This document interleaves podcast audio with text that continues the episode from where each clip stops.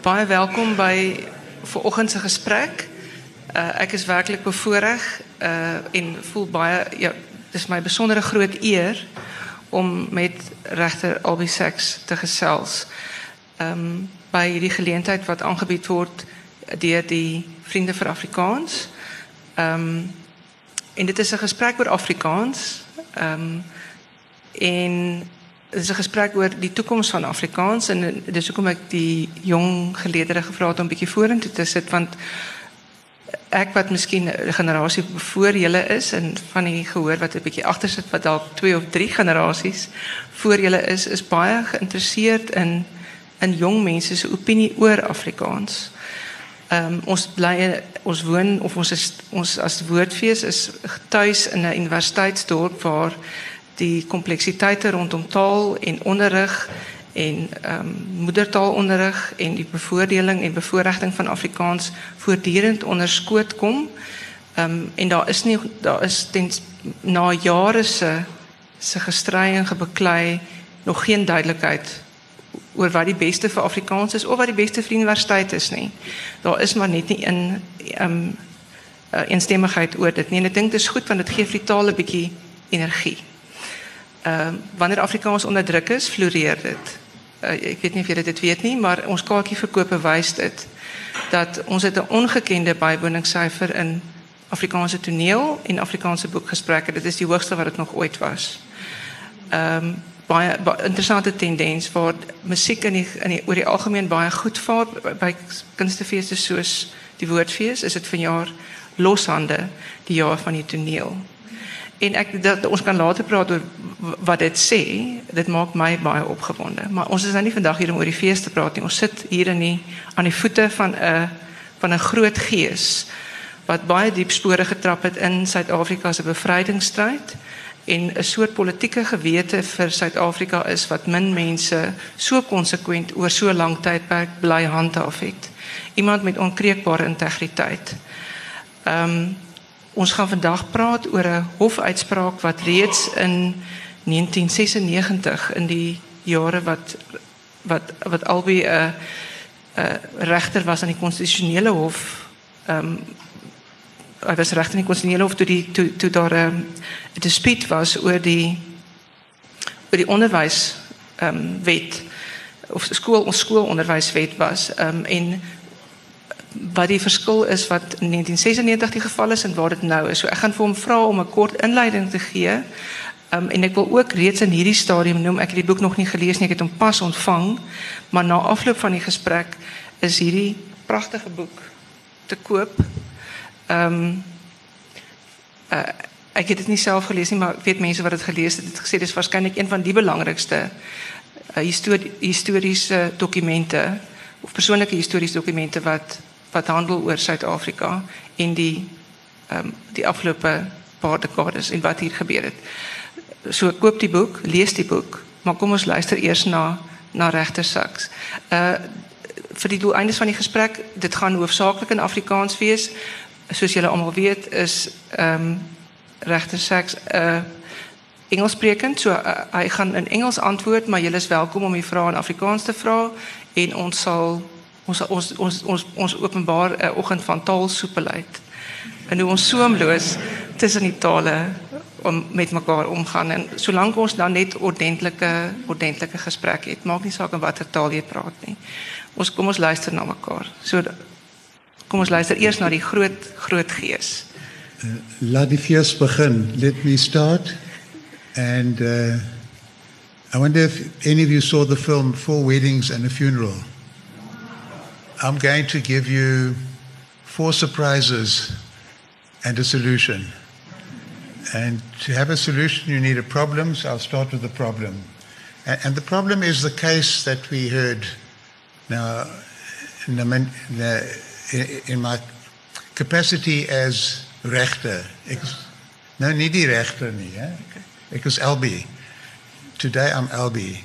But imagine now I'm wearing my gown, I'm sitting in the Constitutional Court uh, in Johannesburg, and a case is being brought to us by a number of taalgroepen, uh, Afrikaans, defensive Afrikaans groups, about a law which the Gauteng legislature had passed uh, called the um, Gauteng Education Act.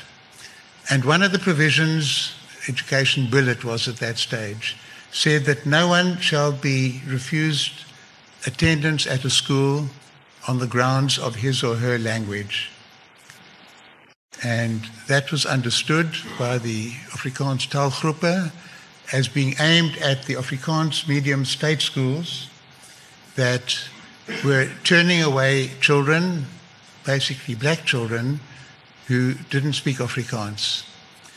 And the children were saying, We have a right to go to school, and the school was saying, We have a right to defend and protect and develop the Afrikaans language. And we had to decide was that law unconstitutional as a denial of language rights? So that, that was the problem. Now, let me give you some of the surprises, and I'll be surprised if my surprises don't surprise you. Uh, the first one was my involvement at Kempton Park at CODESA, Convention for Democratic South Africa, on the language question. And there were two of us from the ANC side. It was Baleka Mbete, then known as Kgositsile. She was married to the poet Willie Kgositsile. And a huge range of professors. And uh, Neil Barnard, who was head of national intelligence on the other side. Uh, in, in physical terms, it was really like David and Goliath, and we were the David.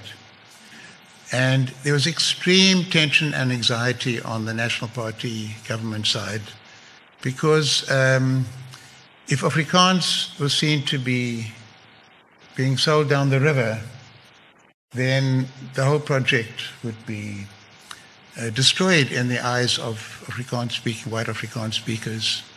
So this was a make or break issue for the other side. Baleka and I came in very smiling, very confident, because we knew that there was a fair solution. Uh, and it was clear to us that what the other side, then we used to say the enemy, uh, it's interesting, that was fairly early on. It was the enemy. As the negotiations advanced, we would say the regime. And then as people like Roelf Meyer and the others came to the fore, we would say the other side. So even the language softened as we made progress. This was now between the enemy and the regime. Great tension. And um, there were all these language experts from different universities, uh, plus the head of intelligence on their side. And Baleka and I had both had very important experience in Africa. Baleka had been in Tanzania, University of Dar es Salaam, and at first the approach of newly independent Tanzania was English. But the people spoke Swahili, Kiswahili. And the idea that you had to use the language of the former colonizing power as the language of the nation for status, for business, for law, for everything, was anathema to the people. But they fought it, fought about it, and they decided, no, we want the language spoken by the people themselves, Kiswahili as well as English, as official languages. I'd been in Mozambique, and it was very inspiring for people like me back in Africa, on African soil, dealing with African problems. And um, Samora Machel was an extremely charismatic figure. And he had a very powerful slogan for the nation to live, the tribe must die. And we were inspired by that. Uh, and he said we must do everything on the basis of non tribalism. We must destroy tribalism. So if he appointed a governor to Makonde province in the north, he would send a Shangaan speaker to emphasize. And we thought that was fantastic. And we learned it was a mistake. Portuguese, he said, was the language of national unity. We had taken Portuguese from the oppressors, we had turned it into the instrument of freedom. Uh, viva, long live. Uh, luta continua, the struggle continues. That's Portuguese language to unite black Mozambicans and white Mozambicans who supported their cause. So that would be the language of national unity, the language of government, to bring all the people together. It sounded inspiring. It was a mistake. We learned it was a mistake. People are close to their languages. Tribalism must die, but not the culture of the different ethnic communities. We just learned that was important, that all languages matter. And we had debates about that in Mozambique. And when the ANC had a little conference on the future of languages in South Africa, we decided on the formula that there are 11 languages that are deeply rooted in the texture of our society uh, English, Afrikaans, and nine indigenous African languages. And they all must have the same status, parity of esteem. And in order to achieve that, you don't achieve that by downgrading any of the official languages. You achieve that by upgrading the languages that have been marginalized. So we introduced the notion of non-diminution of the status of existing languages. This is now in the 1990s, and upgrading of languages that were marginalized. So the temptation was to say 1 plus 10, English plus 10 others. That would have meant for Afrikaners being seen as, sadly, racist factors would have come in to say we don't want to be with the Bantu languages. That's, that was unacceptable. But understandably, would be seen as saying that English is superior to Afrikaans. And it would have revived all the memories of Milner and, and the suppression of the Afrikaans language and the marginalization. And we did, we took that position not to be nice to anybody. It's nice to be nice. There's nothing wrong about being nice. You don't apologize for being nice. But that wasn't the motive. That was a plus. It was a matter of principle. Languages are important to people. You respect languages. They identify in terms of languages. A lot of their history is wrapped up with language and autonomy and expression in terms of their language. And we did that wholeheartedly.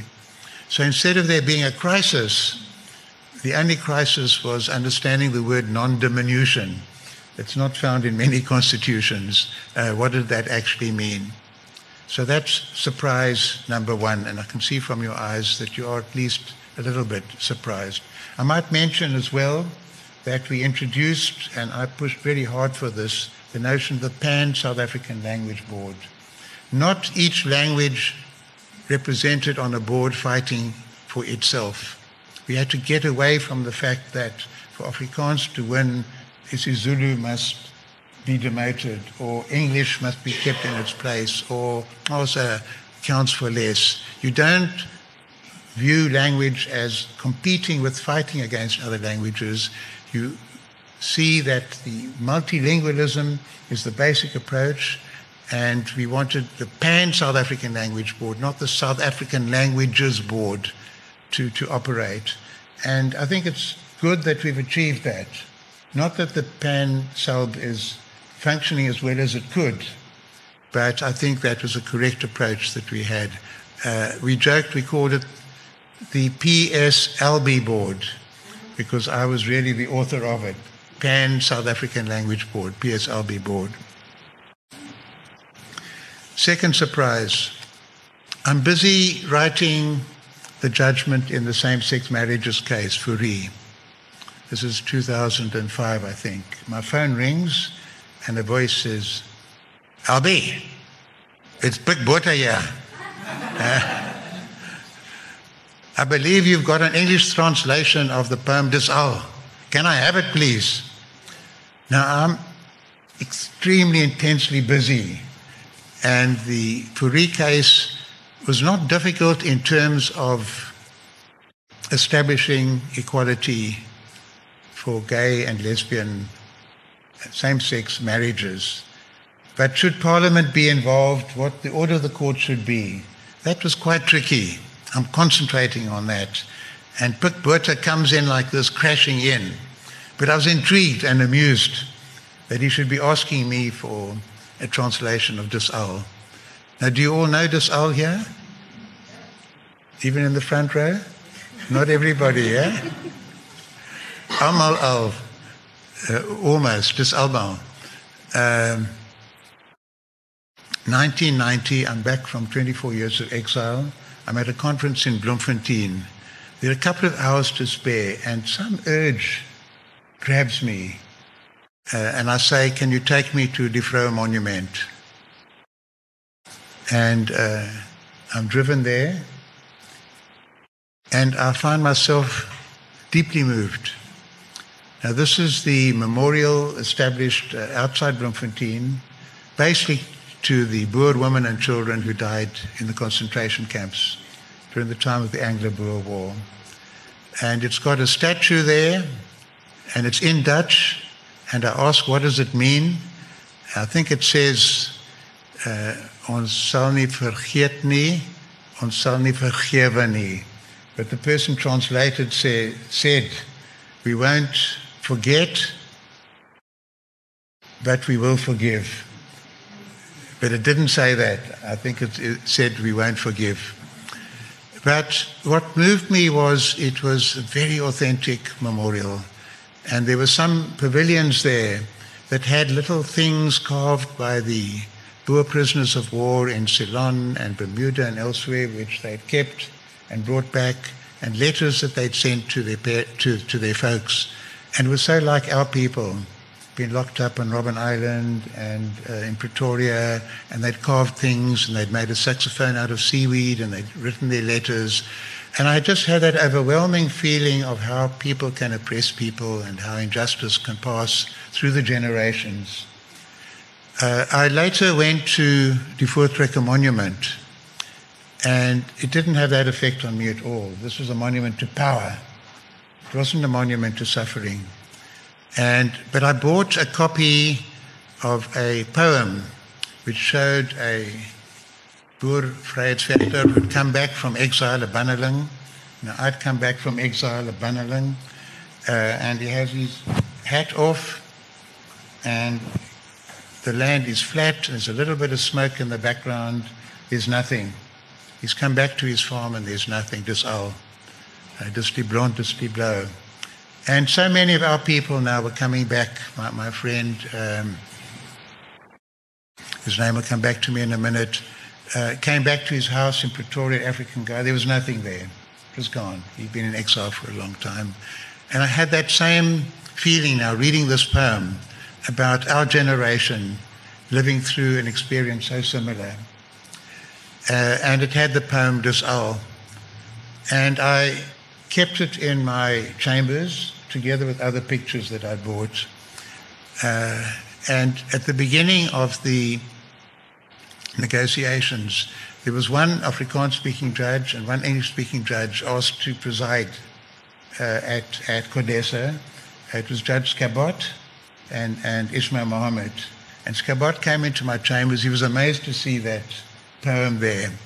Uh, and I decided I would translate it into English and I translated it, and somehow the word got years later, 10 years later, to Pik Botha. So I interrupted writing the judgment, and I sat down, and I still remember I had a trouble with the first line, dis die blond, blauw. And I translated it as um, it, it's the white, it's the blue. But that lost the bleu. And so now I was able to say it's the blanched, it's the blue which was better, more responsive. Uh, and I phoned uh, afterwards and I emailed a copy to him. But I mention that just to say that, that uh, pain is pain. And, and we are living in the epoch of continuing black pain. Uh, I think the student movement, uh, by and large, has made a huge contribution to national discourse and sensibility through raising the issue of continued forms of marginalization, alienation that's not in the law, that's not there in formal terms. It's not overt, but it's covert. And sometimes it's more insidious precisely because it's covert. It's not acknowledged, it's not even uh, appreciated that these things have an impact on you. Uh, but that goes two ways. It, it goes, well, one way is to say those of us who are white, who are privileged, who take the world that we inhabited, that was constructed in our image as a world taken for granted, as the natural, normal world, the way societies go, can be suffocating and exclusionary. Just as when I was reading um, uh, um, the book by die 60er, um, Jan Rabie, he starts off by saying, Ons die afgod, and this guy is walking up in Oranjezicht, and he's feeling very alien as an Afrikaner. And now I couldn't imagine Oranjezicht, you can't have a more Dutch name than that, and I didn't see it as that a place where an Afrikaner could feel unwelcome. But that's that hidden kind of signals that come from architecture, from science, from symbols, from street names, from assumptions that can be so, so impactful. So it's important then for white people, privileged people to be responsive to that, but also important for people who are privileged to understand something in the history of Afrikaners that there was deep Afrikaner pain. Using that, the image of pain, the language of pain, uh, that was very pronounced and very deep. Sadly, the pain converted itself amongst many into retaliation and marginalization and exclusion. But that didn't deny the fact that there was enormous dispossession of Afrikaners. And I felt quite moved when at school we had to learn Afrikaans. It was compulsory and we didn't like it. I'm at English speaking school, Sachs. We had that disdain for the Afrikaans and it was forced upon us. Uh, and the only books we were given to read were books about animals because the other books were all patriotic and nationalist. So we learnt about the lion family uh, at Urwert in Vlakte. We learnt about uh, the wit uh, the white ants. We learnt about Kiers Kalahari. Uh, and we weren't interested in books about animals. We wanted uh, boxers and fighter plane pilots and explorers and so on. So that became part of our disdain. When I was in exile in England, I remember those books. And I picked up on the fact that people are writing about the Urwert because they feel their country has been conquered. They feel they are not fully welcome in their own, on their own land, uh, indirectly, indirectly. And I loved these books that I'd hated when, when at school. So that's the second surprise. The third surprise is not long after I'm back, I'm speaking at a language conference and I'm invited to come to Stellenbosch to see the progress of Die Woordeboek. And um, it was up to M. And they're very proud they're up to M. And about 10 years later, I come back again and I think they're up to R. Now, what, what is it up to now? Does anybody know? S. S. Of S. So maybe I'll live to see, uh, live to see Z. But it was, um, it was kind of moving for me. This is an investment in time and so on. In a way, the language can't be captured in a book. It's changing even while the book's being, I'm sure there are lots of words now beginning with A, B, C, D, E, and so on. Completely new words, and old words have new meanings. But there is something moving just about this idea to anchor a language in some official kind of a text. Uh, it, it, shows an appreciation and a love and a respect. People are working very hard on that, uh, and and uh, I'm moved, and I look forward to S T T is also quite a big one. S is a very big one. Eh? The fourth and last surprise was a meeting with F.W. de Klerk at his foundation last year and um, in Cape Town. They'd never invited me. Uh, F.W. de Klerk didn't like me very much. Uh, we would meet at conferences and he'd be correct, but, but not, not warm. Uh, I got on wonderfully well with uh, Roelf Meyer. I mean, he's an extraordinary person. uh, uh, with uh, Leon Wessels. Uh, interestingly enough, the third person who played a very big role, if I gave you 20 questions you wouldn't get in the negotiations, was uh, Dawie de Villiers, the former Springbok rugby captain. He was terrific at, at chairing meetings, at finding solutions, just a different approach. Others would come in, snarl, shout, make speeches, march out. They got nothing. They defended nothing for the Afrikaans people. The people working slowly and calmly in a principled way, negotiating, got very significant uh, accommodations. I wouldn't call them compromises, accommodations on the basis of, of hard negotiation. In any event, uh, FW, I was told, fought bitterly against my being appointed uh, to the Constitutional Court uh, in, in Cabinet. Uh, and now I'm going to, at some anniversary of his foundation, I arrive there. He greets me very correctly, a little smile. Uh, his wife is wonderful. She embraces me. She's warm. Oh, it's so nice to have you here, and so on. And I make my presentation. And it's on multiculturalism in the new South Africa.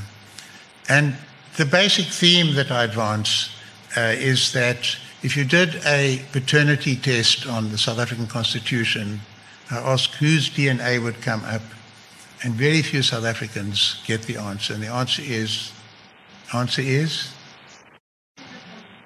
Oliver Tambo. Oliver Tambo.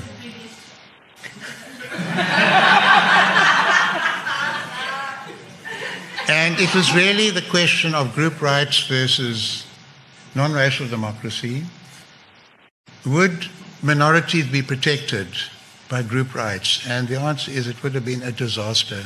The Constitution would have been seen as a Constitution protecting minorities who had all the privileges, not as a Constitution for everybody. And Oliver Tambo said, no, our protection must be through a Bill of Rights that protects everybody, not because you're white or black or majority or minority, uh, but because you are a human being. We've just got to get used to thinking of ourselves as human beings. That means majority rule in South Africa. That means black people basically will rule, but not on the basis that they rule as blacks. They're ruling as the majority, as human beings and people are protected against abuse, whatever form it might take from whomever it might come, because they are human beings, and we implanted that in. Now, where does that leave multiculturalism? Multiculturalism then didn't become the basis of our political structures. We would have had, if we'd followed what, what de Klerk and the others were saying, we would have had three presidents Uh, Mandela on Monday, de Klerk on Tuesday, Buthelezi on Wednesday. I'm exaggerating, would have been six months for each. And they would have to agree and get consensus on everything for governing. Can you imagine? There would have been paralysis. And people would have been identifying completely with their racial ethnic group, and our country couldn't have moved forward. But the minute multiculturalism is seen as multiculturalism and not multinationalism for politics, then the diversity of our nation becomes very, very important. And then I mentioned, I grew up, uh, the first painter I knew was Gregoire Boonzaier. And he would, fortunately, the first artistic person I knew was full of fun, laughter. He would pack his paintings in the dicky seat of his old chef and drive out to the countryside and tell the farmers a house without a picture is a house without a soul. And since he was the only one who had a picture, he would sell his pictures uh, that way. And the first poet I met was Krige, who actually had a huge influence on my life through a lecture that he gave on Lorca, uh, which captured my imagination so much, Lorca and Neruda, uh, involving the intimacy of your soul, of your longing with the public events of the world, that's when I became politically active uh, through, through Ace. Uh, I was also friendly with the Sestigers. Uh, Jan Rabie, Marjorie Wallace did a portrait of me. I met Jan and I met Andre Brink and, and other people of, of that group who were very kind to me in a very difficult time when I was in and out of jail. They received me and embraced me. And I'm saying also, my dad was the General Secretary of the Garment Workers Union in Johannesburg. And I would go up for holidays to be with him. And there was Anna Scheepers and Hester Cornelius seemed enormous, and Johanna Cornelius. And these were Afrikaans women. And my dad's book about the garment workers was called Rebels' Daughters. The daughters of the rebels who now were forced to work in, in the sweatshops, in the garment factories, exploited, and he helped to organize them. And they were wonderful to me and my brother and gracious. So for me, Afrikaners were not dour people, hostile and, and, and, and dominating. They were people full of energy and, and brightness. And so that colored to quite a large extent my view and vision, understanding of the Afrikaans language. I mentioned a few other things. My lecture is over. I'm walking out, and the clerk is standing in my way. Praat vir my in Afrikaans. And he's blocking my way and he says I his father uh, was a school principal in Klerksdorp, a very good school principal, he said. But the Nationalist Party took him out of school to get him to be involved in trade union activity to try and destroy the Garment Workers Union run by Solly Sachs. His father, Jan de Klerk, went on to become the Minister of Labour, who passed many laws that denied black people the right to organise trade unions, laws which de Klerk said he, de Klerk, had since repealed. He smiles, he puts out his hand, shakes my hand, and I leave. And I'm moved by that gesture on his part. And I think to myself, only in South Africa do you have these kinds of meetings, another generation now having an encounter of that side. Okay, four surprises. I think I get four out of four. Let me.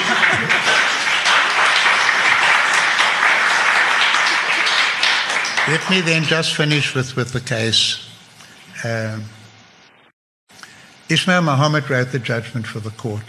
The text of our constitution was very clear. You could have a single medium school if you paid for it. But in the state sector, it understood there was no right to have a single medium school, which meant Parliament or the provincial legislature could pass that law. He felt it was very simple. I felt that wasn't a good enough answer.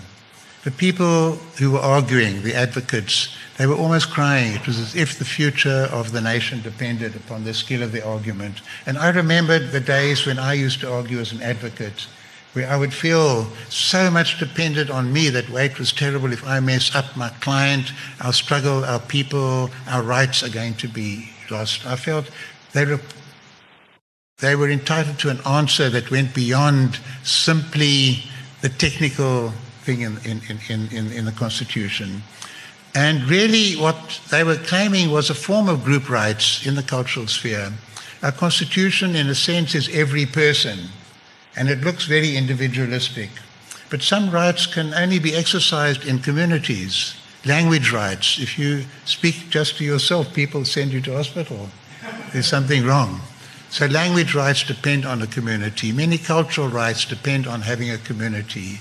And there's a growing move in international law to say that the state has a duty to defend and protect and develop minority languages. And these are usually for minority groups that have been marginalized, the Roma and, and others. Uh, and we had to deal with that. We had to engage with those issues. And in South Africa, uh, in London, I'd gone to the minority rights group who were giving the anti apartheid struggle a lot of support, but thinking there's a puzzle here. Because in South Africa, the minority are not oppressed, the minority are the oppressors. So in South Africa, the minority behave like a majority and treat the majority as a minority in terms of access to power, to rights, to where you can live, what you can do. And we had to understand minority rights as being so involved with minority privileges that simply to protect minority rights could be protecting the gains of domination, the gains of exclusion. At the same time, a privileged minority could be converted into, through retaliation, into a dispossessed minority. So it wasn't a simple question of simply turning the tables. And I felt it was appropriate to give an answer that engaged with those broader issues. The pieces of paper that we circulated have themes from my judgment there that indicate that we have to look at this issue. A, Afrikaans is not just a language, it's one of the treasures of South Africa for all our people. And it's produced a great literature, it's been used in science, uh, for poetry. Uh, it's the language spoken by millions of people, it's the majority language in, in the Western Cape. It's part and parcel of the, the fabric of the nation, and it needs to be treasured. It's not just being nice to somebody, it's valuing and appreciating a treasure. Secondly, people who spoke Afrikaans have a deep memory of the Milner period and the suppression of Afrikaans and the marginalization of Afrikaans speakers. And they see English in that sense as the enemy. English will overwhelm, English will dominate, English will exclude. And we have to understand that because that was a deliberate policy of the British at the time of empire to suppress and marginalize Afrikaners, destroy the power of Afrikaners, and make Afrikaners feel somehow they lived in the backyard. And that's part of our history that we need to understand. And that's a fear that's not simply based on, on the wish to dominate, uh, it's a wish not to be dominated. At the same time, there are millions of black children aching for education. They've been excluded, they've been denied. And the schools now, these schools were half empty. The evidence was maybe two thirds full, empty classrooms. And here were black kids in the neighborhood, and sometimes the children of domestic workers in those areas, clamoring to get to those schools. And we said there are children's rights, uh, the right to education, the text of the Constitution. So we had to uphold the constitutionality of that particular of that particular measure. That's how we resolved that problem. But it's interesting. The problem was resolved in terms of what the constitutional constitution permitted, but the problems don't go away simply because you find a solution to a particular issue at a particular moment. And it's quite clear that Stellenbosch University at this moment is grappling with very, very similar issues. And I look forward to your engagement and anything you can teach me in relation to that. And I might say there's some talks that one gives. I always enjoy talking. Uh, I acknowledge I love hearing the sound of my own voice. Uh, but there's some moments that I get a special pleasure, and this is one of them. Because it's at Stellenbosch. Uh, because in a way this was the land of the enemy, the ideological enemy. Uh, Dr. Verwoerd had been a professor here, and and I don't feel I'm a conqueror coming in now. When when um, Thabo Mbeki went to the University of Pretoria in the early 1990s uh, to speak to the Center for Human Rights and this big hubbub coming from there. And RVB was very strong. He said, Now I know how Piet Retief felt when he went into Dingane's kraal. uh, I don't feel anything like that. I just feel South Africa, we are moving, we are opening up. I can feel comfortable here. I don't feel I'm Piet Retief entering a kind of a kraal. Most of you are Afrikaans speakers, most of you are from an older generation. Uh, but I feel, ons is landsgenote, I really feel it. And so I want to thank you, Van for inviting me to be here, and I look forward to the discussion. Thank you. Sure.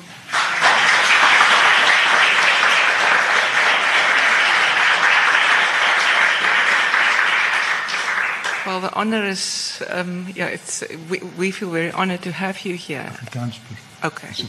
Ons voel baie geëerd dat dat u hier is. Um, en ek gebruik die u, woord feitelik nooit nie, maar ek voel dis nou gepas.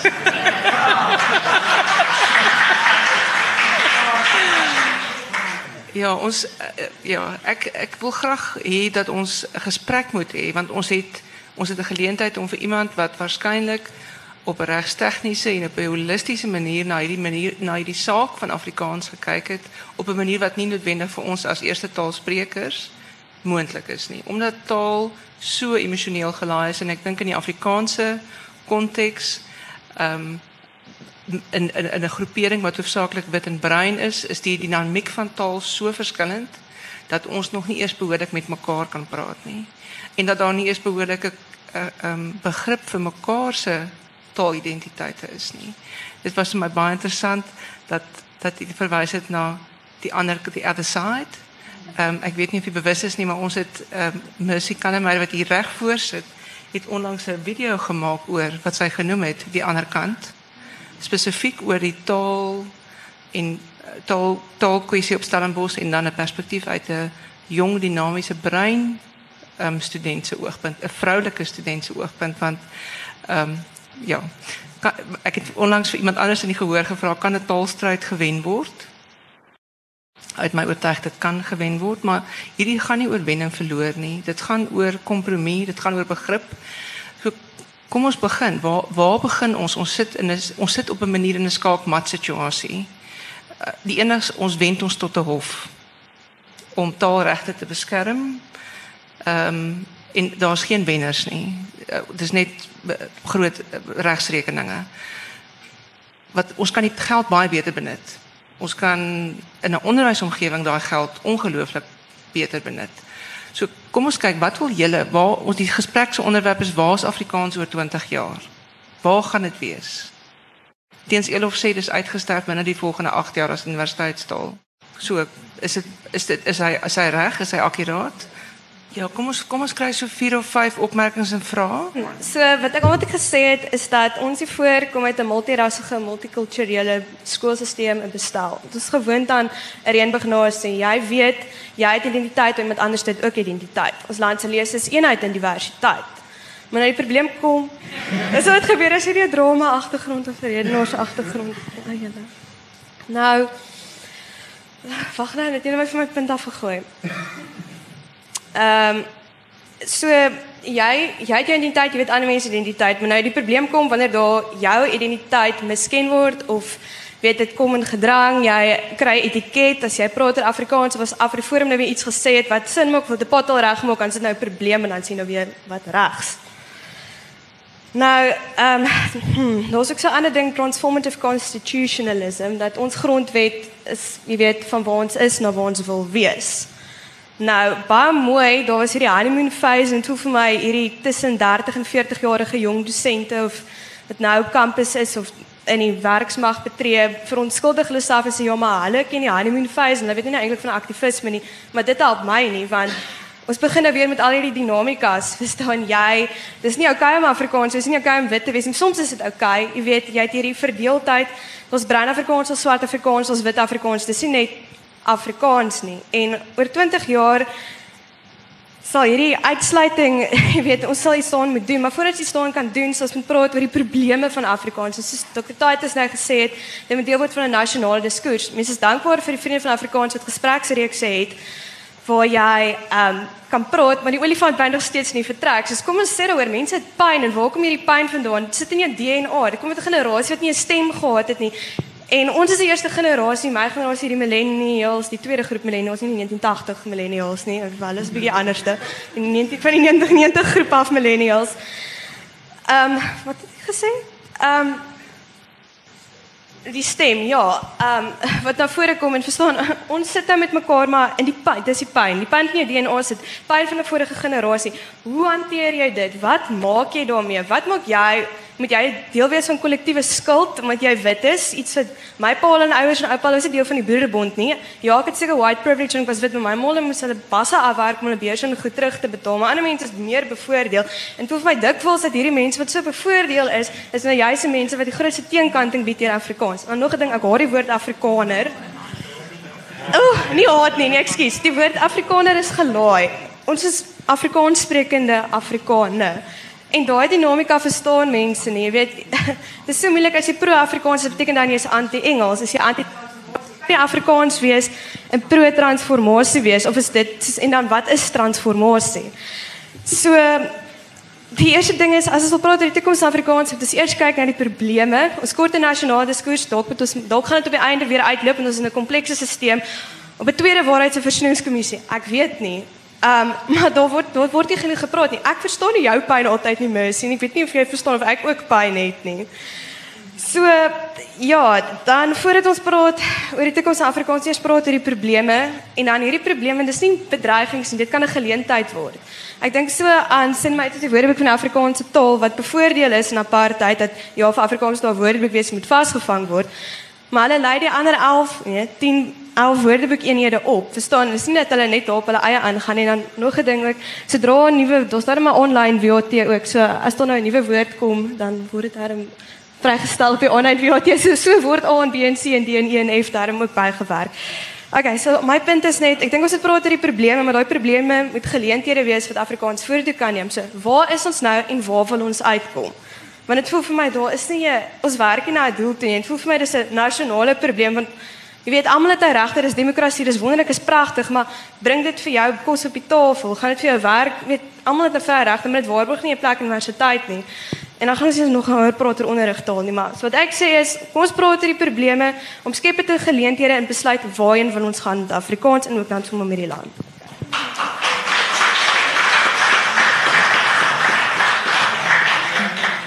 Ek gaan ek gaan nog nog 3 sprekers toelaat en dan gaan ons eers reflekteer, maar ek vra mooi dat julle dit ehm kort sal hou en dat julle uh, net seker maak dat die dat julle hoofpunt wel duidelik gekommunikeer word. Dat miskien begin miskien daarmee.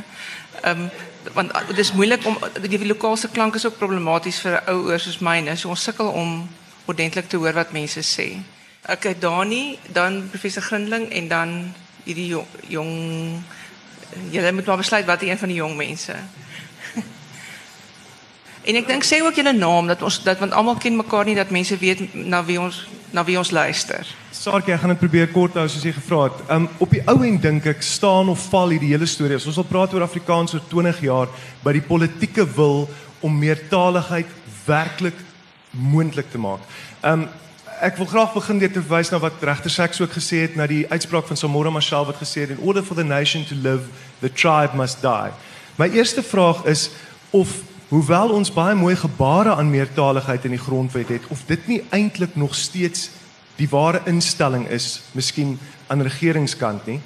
En die tweede ding wat ek wil sê wat daarbey aansluit is daai spesifieke uitspraak van Marshall het ter sprake gekom verlede jaar in Maart by 'n vergadering van die Translation Linguistic Rights Committee van PEN International waar baie PEN Afrika sentrums teenwoordig was. Zambië, ehm um, die uh, Daniel Seekers way van PEN Zambië het geopper, Uganda was daar, Kenia, ehm um, uh, Malawi, Zimbabwe ensovoorts. En die konsensus was van almal dat Die koloniale tale Afrika klaaglik gefaal het. Die koloniale tale Engels, Frans en Arabies bewerkstellig slegs toegang vir 'n sekere klein elite wat dan die reg het om menslike hulpbronne of natuurlike hulpbronne te verkoop aan die hoogste beheer uit die ooste of die weste.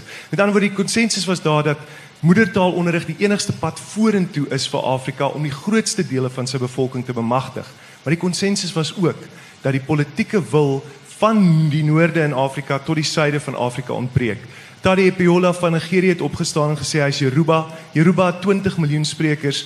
Die grootste werke van letterkunde in Yoruba is nie beskikbaar in Nigerië. Nigerië het slegs in die 70's toe daar bietjie oliegeld was, erns gemaak met moedertaalonderrig en daar was groot sukses daarmee, maar dit is nie voortgesit nie. Met ander woorde, die vraag by my is, en dit gaan ook oor of 'n taalstryd gewen kan word of nie.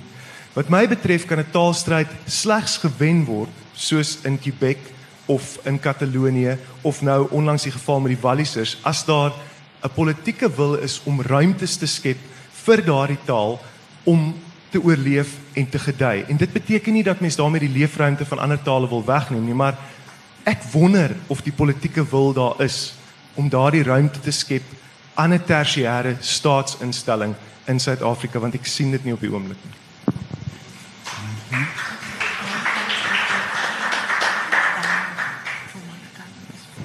Okay. Ja. Mercy.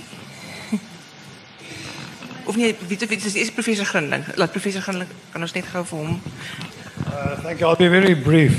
Um, I'd just like to ask the good judge, and it connects with what Donnie has said as well. and that is why does he think it's so difficult to establish multilingual or bilingual even universities in South Africa? We had them before, University of Port Elizabeth and the University of South Africa, where I must spend most of my life. Uh, but I think that's an important point, and it probably relates to what he mentioned the issue of political will. You're an expert in cultural, legal, and political matters. Perhaps you can enlighten us on that. Thank you. Um, okay, daar was kan ons nog kom ons maak nou nog 3. Hier is 'n vraag hier. Hierso. Um, Mercy is okay, so wie is nou nommer nommer 1? Ja. Okay. Baie dankie. Ehm um, dis net verwagte saks ek nou spesifiek na paragraaf 52 gekyk van die of van die uitspraak en daar is nog 'n besondere klem op gelykheid geleë um, wat sê spesifiek at present the imperatives of equalizing access to education are strong and even although these should not go to the extent of overriding constitutionally protected rights in relation to language and culture um, they do represent an important element in the equation in my vraag is eenvoudig maar net um, how can we how can we balance this right to language if I may call it rudimentarily so um, with the socio-economic and substantive rights in the constitution die substantieve uh wat wat beoog om 'n meer gelyke materiële samelewing te te bring. So kan ek net gou vra ons het ek het 'n ander dokument hier dis nie dieselfde as julle sinne nie dat ek net gou dat hy net dat regter seks net kan sien waarna jy verwys. Goed, dis paragraaf 52 van die van die van die hofuitspraak. Ek sal hom hier aanstuur as dit reg is. Ek is Inge Botha, ek is 'n Afrikaans-Nederlandse letterkunde student um, aan die Universiteit van Kaapstad, maar ek is oorspronklik van die Vrystaat.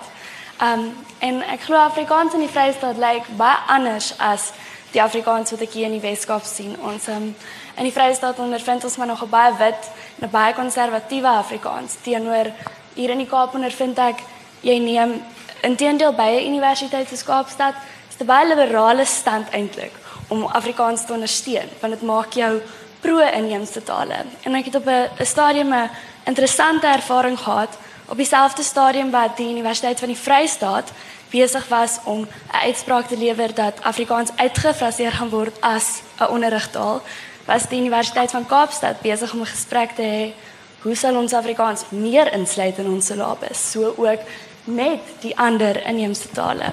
Um My vraag sal dan wees is Afrikaans een taal wanneer ons so baie kulture het en mag ons dieselfde uitsprake maak oor Wes-Kaapse Afrikaans as oor Afrikaans in ander provinsies? En dan wil ek bylas, ek het onlangs 'n gesprek bygewoon in Wellington van Breiten Breitenberg en Andries Besidenhout en ehm um, daar was 'n opmerking wat daar gemaak is wat ek gedink het miskien oorgedra kan word na vandag is hoe gaan ons te werk met hierdie ehm um, hierdie broederskap, geesgenootskap tussen bruin en wit Afrikaans sprekende mense, Afrikaanse Afrikane. Wanneer ons kan sien ons is nog steeds in so 'n eksklusiewe taal, wat doen ons met ons swart broers? OK. OK, ons moet dan gaan ek vir regter seks kans gee om te reageer en dan gaan ons ongelukkig moet haltroep. Ek kan my regte as direkteur 'n bietjie misbruik om hierdie gesprek te laat aangaan want ek dink dis belangrike goed wat gesê word en ek dink ons het nog nie naaste by by die kern van die saak uitgekom nie. So Missie, kom ons gee vir jou die laaste woord en dan gee ons oor aan aan regter Seks. Dankie. Hallo, ek is Missie Kannemeyer en ek wil um oor die vraag oor waar Afrikaans oor 20 jaar is, dink ek as dit reg. Almal maar. Okay, dink ek dat Ja, Afrikaans gaan oorleef, want ons sien hoe daar 'n opname is in goeie soos teater en Afrikaanse movies, in die boeke, goeie wat gepubliseer word. So ja, Afrikaans gaan oorleef mits ons daai goeders oopmaak vir almal. Want movies en teater en sulke goeders is grootliks ontoeganklik baie kere vir baie Afrikaans sprekende mense. En dan wil ek saamstem met Dr. Titus dat ek sal baie graag wil sien dat baie meer sprekers van die taal verteenwoordig word binne Afrikaans. Ek stem saam met Dan oor moedertaalonderrig dat dit regtig belangrik is. Dan dink ek ook dat een jong mens vir almal kan praat nie. Want ons kom almal uit ons verskillende agtergronde, ons almal soos verskillende pyn, verskillende uitdagings. So ek dink regtig ons moet ook plek maak dat alle jong mense uit hulle eie ervaring kan praat. Maar ja, ek dink definitief oor 20 jaar Afrikaans is definitief nog hierso.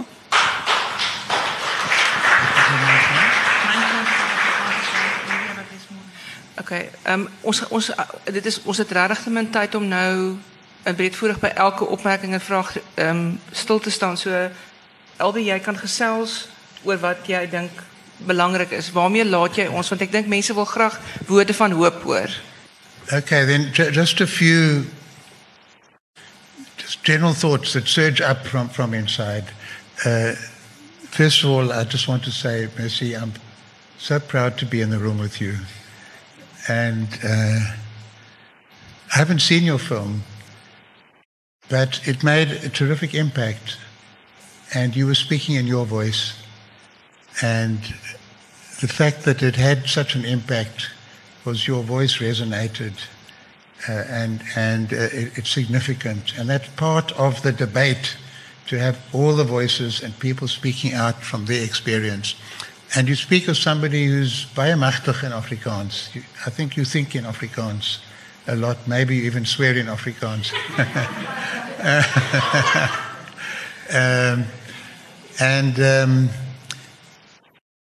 the point that was made by another speaker, uh, I, I, deliberately used the word Creole in, in the judgment. And it was partly because white Afrikaners were frightened of what they called miscegenation. They were terrified of mixing, uh, of commingling. So they even had a law that prevented white people from kissing and loving black people, and black people from kissing and loving white people. And that idea of purity uh, was seen as foundational and fundamental. And we have to retain our purity as whites in Africa. And uh, it was all based on lies. The Afrikaners themselves, Van der Stel, Stellenbosch, uh, the Van der Stel's wife was a black woman. Uh, and Van der Stel himself was somebody, by all accounts, for those times, was more far-sighted, more welcoming, more open, and his son was the one who began that line of authoritarianism associated with the white skin and so on. And the Afrikaans language, this is what I, I, I learned actually from Jan Rabie and others, uh, is a Creole language. It's the language, it was called Kitchen Dutch because the Hoog Hollands, the real Netherlands, was spoken in the church and the schools, and that meant you were civilized.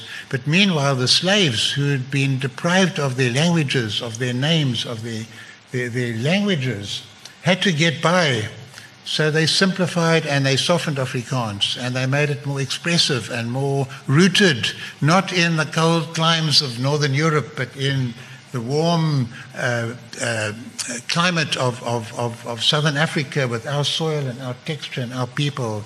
And many Khoi words were introduced. Uh, Eina is Eina, you can't get anything like it. A pisang is a pisang, it's a Malay word all these words came in. That I learned from, from uh, Jan and, and Andre and, and the others at that stage. And the reason why it was so vital was it was close to the people. So the slaves were the creators of Afrikaans. They of Africanized Netherlands. Uh, and that then became, because the children were learning that language, they expressed themselves in that language, more and more Netherlands which was officially recognized in the constitution, became out of touch. And then, of course, Afrikaans was officialized. Now, I spoke about my um, also pride in, in Divat, the Afrikaans uh, Woordeboek. Uh, but it's a pride, it's not unmixed pride. The very idea of formalizing a language in a way is a contradiction. Uh, and it's establishing an authentic, correct way. Uh, I don't know. I don't think it has a speaking version yet. Maybe that will come next. So even the pronunciation might be a correct pronunciation. And of course, Afrikaans is spoken with different accents. It's not only the Free State Afrikaans is different in many ways from the Western Cape Afrikaans. In the Western Cape, it's very different. And, and my wife speaks Afrikaans she grew up speaking Afrikaans on the flats. And even the way she speaks it differs depending on who she's speaking to, the context, the emotions, and that's me part of its vitality and its strength, and part of its survival. If it's going to be a fossilized, authentic, authorized language associated with authority and power, it's going to, it's going to lose out. If it's going to be a language that is expressive and responsive, uh, and it will survive not because of protections, not because of law, but because it's meaningful to people. And I know that many, many forward looking Afrikaners see its strength comes from the fact that Afrikaans is a powerful language in the home, in the church, but in business, in commerce, uh, in daily life. That's its strength and its vitality. Uh, and, and the vitality won't come from formal protections. It's not to say that it's not important to have public places where Afrikaans has a guaranteed space and, and a presence. Uh, I, I, have never been uh, responsible for language policy. We've discussed it on the court. We found it extremely difficult. We, we couldn't come to an agreement uh, as to what the language policy of the courts should be to formalize it because any rule that you had would have huge positive results in some areas, but if it was made too imperious, would be negative elsewhere. So you might have a trial being conducted in, in Umtata where the prosecutor speaks Xhosa, the accused understands Xhosa, the witnesses speak Xhosa, but you'll have an English version of it because it's going to go on appeal and other appeal, and you need some kind of language that everybody can, can handle. And until we have appeal court judges who can speak 11 languages, there has to be maybe some kind of adaptation. I, I, don't even know what the answer is. We ended up, lawyers don't like to say we don't know what the answer is. But here it wasn't a legal case brought before us, it was a policy issue, and, and we just sort of left it open. Um, so the theme for me then is Afrikaans will not only survive, it will thrive, primarily because it's a very meaningful, it's more than just a means of communication, form of expression. It, it's interesting, you know, even in the years of exile, when you met another exile, you would go into Afrikaans uh, sometimes it will be uh, even a skolital or a tsotsitaal, but somehow the Afrikaans was a form of patriotism, of identification, because it wasn't English. It wasn't part of the empire. That was ons.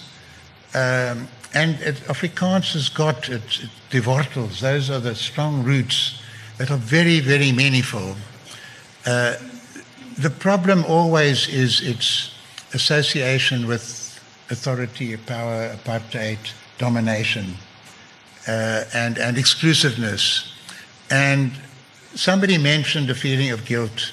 I, I've never found guilt a useful emotion or shame. Understanding, appreciation, acknowledgement is much more powerful. Guilt, I don't know, it eats you up. Shame eats you up.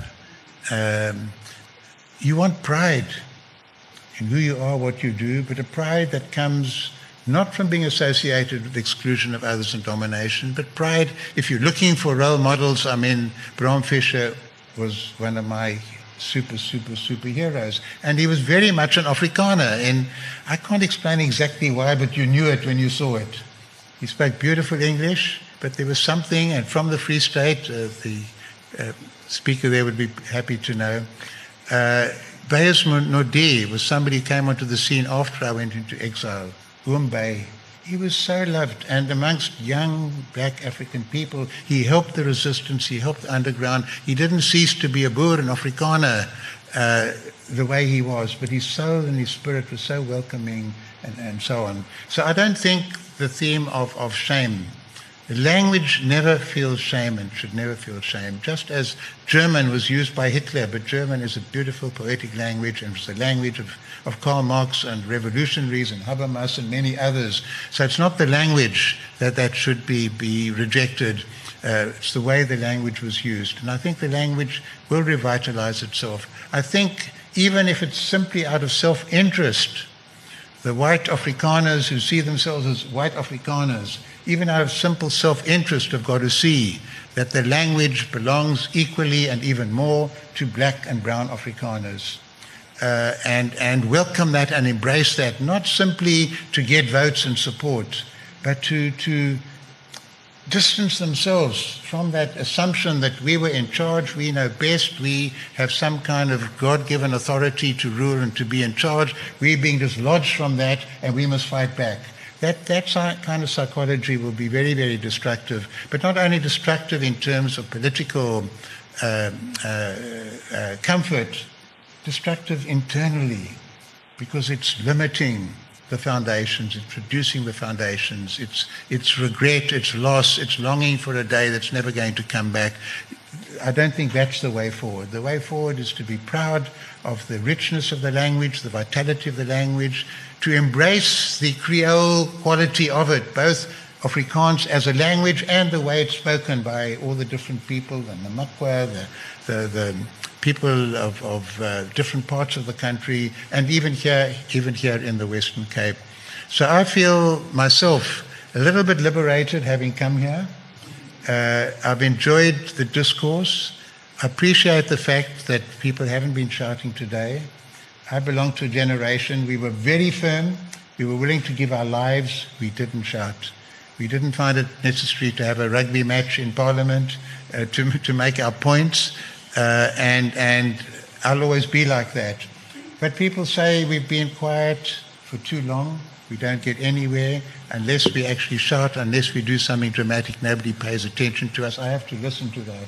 But I don't think that's going to be the way to defend Afrikaans. I don't think that's going to be the way to advance Afrikaans. Baie dankie almal.